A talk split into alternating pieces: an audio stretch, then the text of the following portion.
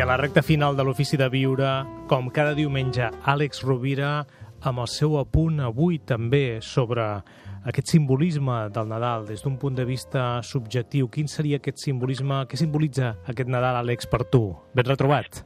Hola, Gaspar. Doncs mira, jo ho lligaria a un concepte del qual se'n parla poc i quan se'n parla s'associa més eh, potser als animals o estats de salut deficients, però jo crec que, que té moltes bondats, que és la letargia.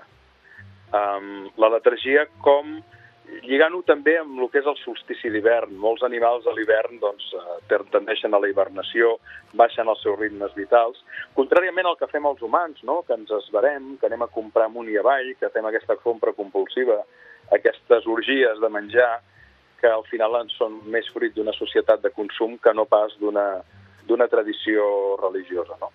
Penso que la letargia té moltes bondats. Una letargia voluntària vol dir aturar-se, um, reflexionar, contemplar, badar, propiciar l'emergència de noves idees, de noves reflexions. Recordem que la saviesa no és necessàriament una conquesta del pensament, és una conquesta de la reflexió, d'observar les coses, de morigerar-les, de deixar-les madurar.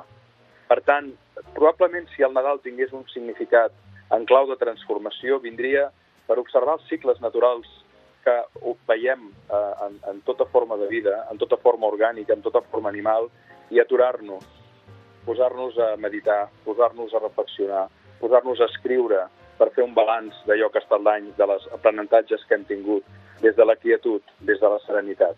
Per mi aquesta és l'oportunitat que suposen aquestes, aquest recés eh, i aquestes festes sovint tan malenteses que si les miréssim d'una altra manera ens donarien un espai importantíssim de regeneració, de renaixement i de reflexió. Doncs parlant de regeneració, renaixement i reflexió, t'agafo aquests tres conceptes, Àlex, per la setmana que ve parlar fins a quin punt any nou ha de suposar vida nova.